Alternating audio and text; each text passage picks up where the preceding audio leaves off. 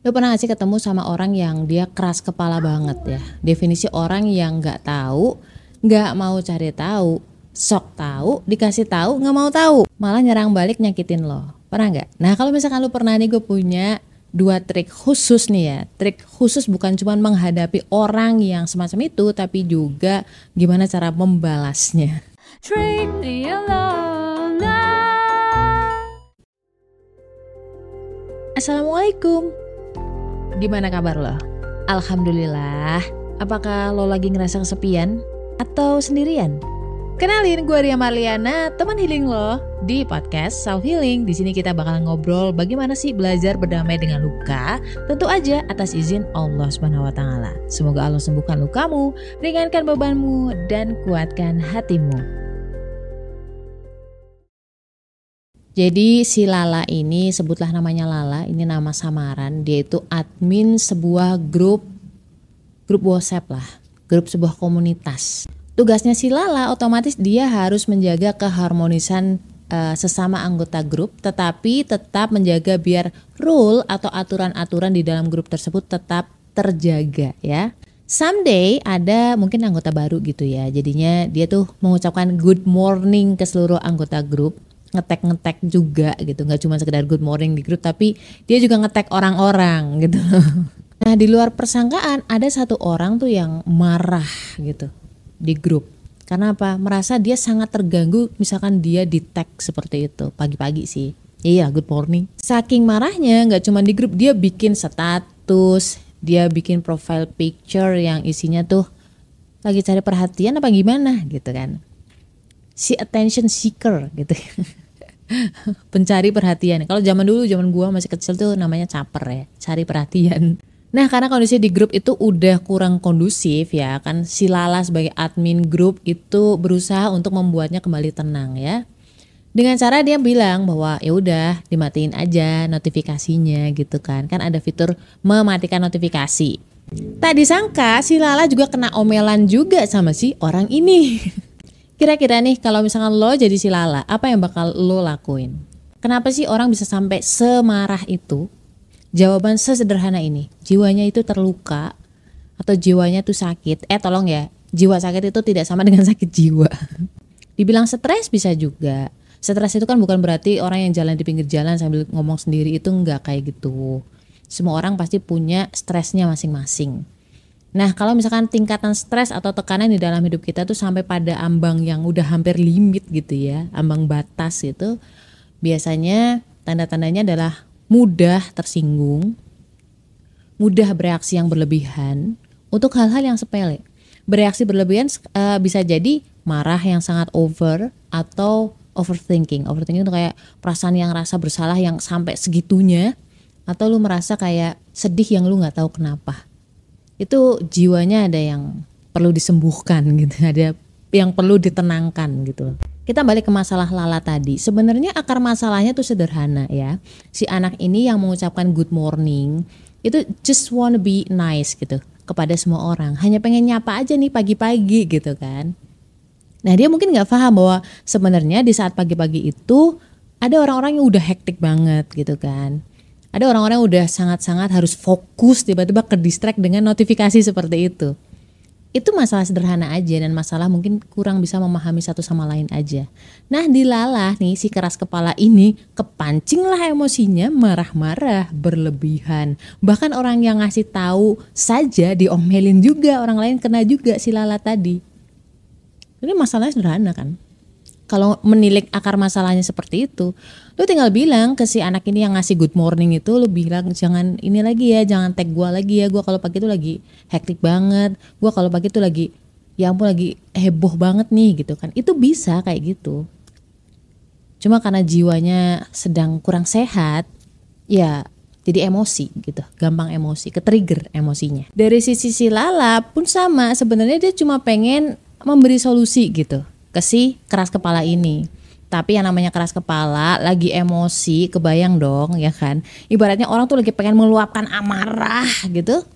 Tiba-tiba dikasih solusi kayak ketelan aja gitu. Yang harusnya keluar jadi ketelan. Marah lah dia.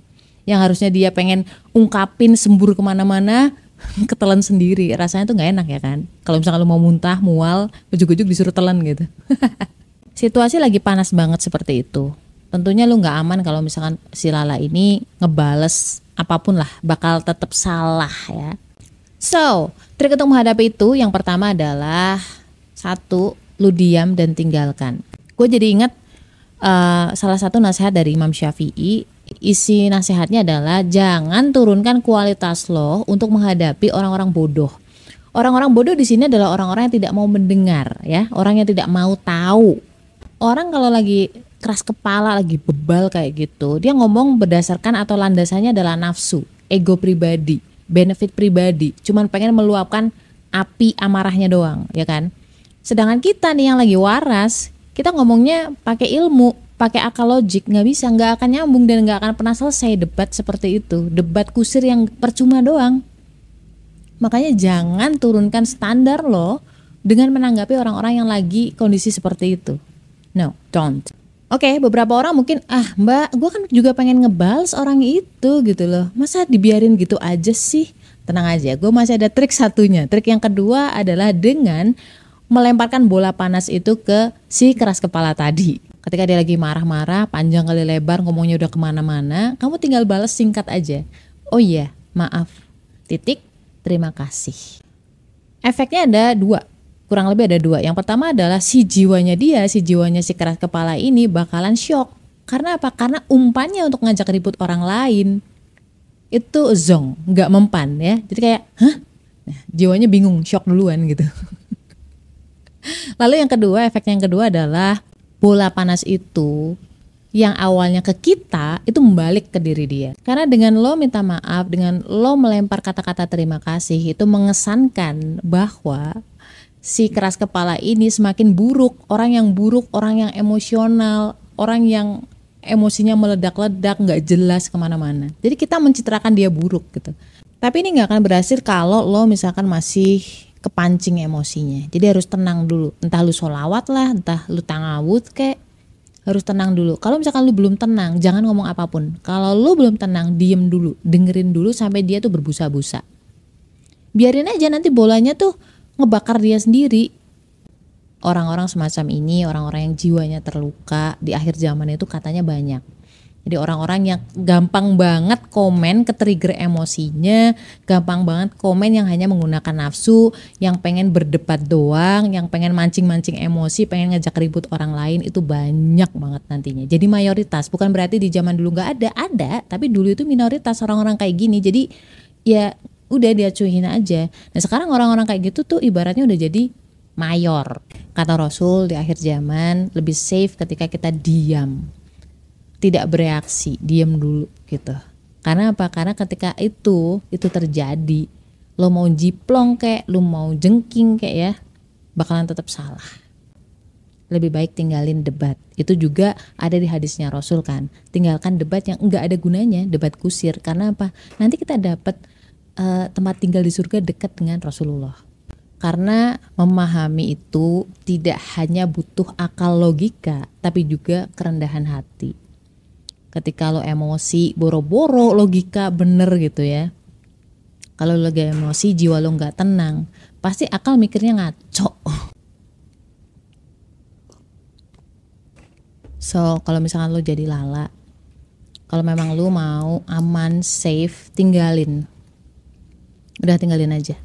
Cukup sampai ngingetin doang. Kalau misalkan lo memang kepengen memberi pelajaran sama si orang itu ya pakai taktik yang kedua. Kira-kira kayak gitu trik nyeleneh kali ini. Insya Allah kita akan kembali lagi dengan trik nyeleneh lainnya.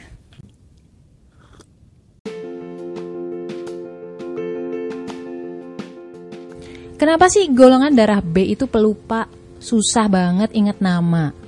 Orangnya juga cuek, nggak pekaan, nggak perhatian. Kenapa coba? Bedah itu semua dari buku cerita tentang karakter golongan darah B dengan judul Beauty in a Beast. Order sekarang, link di bio ya.